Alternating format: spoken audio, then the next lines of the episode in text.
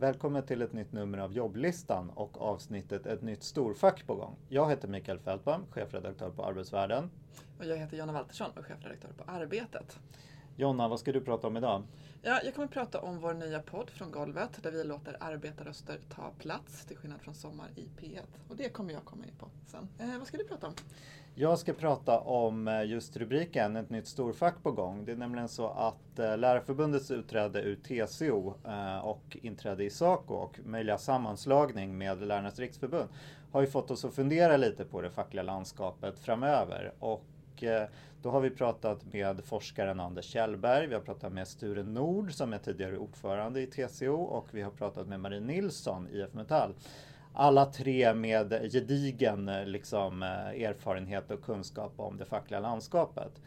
Och det mest kittlande kanske i den här artikeln är väl att Marie Nilsson säger att Eh, om facken inom industrin, inom LO, skulle gå samman så skulle man bli starkare tillsammans. Mm. Det handlar om alltså att IF Metall i så fall skulle gå ihop med GS Livs och Pappers. IF Metall ungefär 300 000 medlemmar och GS Livs och Pappers tillsammans kanske 100 000 medlemmar.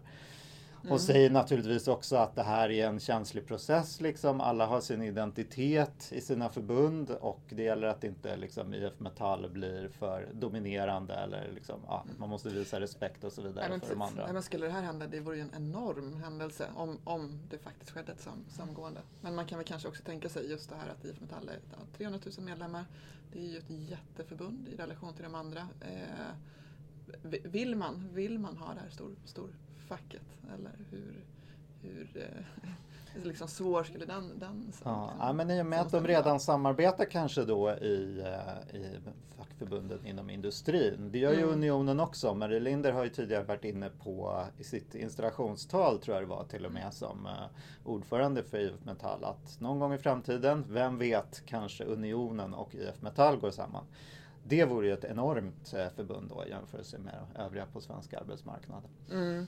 Ja, men precis, men där blir ju då kanske det motsatta förhållanden för Unionen i sig är ju ett jätteförbund med 600 000 medlemmar. Eh, så det, alltså det, det, blir känsligt ur, ur, andra aspekter och det tycker jag också är jätteintressant nu när eh, ja, men, eh, vad heter det, lärarförbunden eh, går ihop och går över till SACO. Det påverkar ju också verkligen förhållandena inom, inom TCO. Nu är liksom unionen jätteglufsglufs. Nej men jag vet inte. Verkligen, det blir ju intressant. Och nu är ju de väldigt stora i TCO och de är ju inne på spaningar också kring förhållandet mellan SACO och TCO. Att eh, Eh, när, eh, att de blir allt mer lika varandra när eh, Lärarförbundet kommer in i Saco. Att, den här, eh, ja, att man ska se sig som en unikt utbildad elit liksom i Saco. Det blir ju mm. allt mer irrelevant när man allt mer liknar eh, TCO-medlemmarna mm, mm. och utbildningsmässigt och också att eh,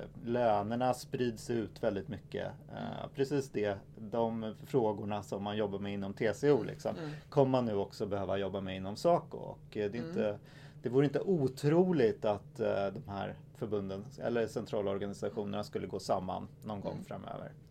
Nej, ja, men det är ju superspännande. Det, det, kanske känns som att det inte kommer hända imorgon men, men eh, vad som händer på 10-15 års sikt, det, är ju, ja, det får vi se. Ja, precis, det är mycket, en, en del är rationaliteten i olika samgåenden. En annan är ju kulturen och traditionerna. Mm. Och det är väl, eh, det är väl, det är väl där makt, som det dras ut. Maktförhållanden, liksom. den tänker jag väl egentligen är liksom en ganska tung, tung aspekt i det här och ja, hur det påverkar olika yrkesgruppers position. Eh, så. Mm. Klokt sagt Jonna. Men du, berätta lite om er nya podd. Mm, eh, det ska jag göra. Vi har ju stört oss i några år och eh, också skrivit om att det har eh, inte funnits några arbetarröster i, i Sommar i P1. Och ja, du har varit lite arg över det. Arg. Du har ja, skrivit på sociala medier ja, och så vidare. Jag har skrivit eh, inledare i tidningen och, och så.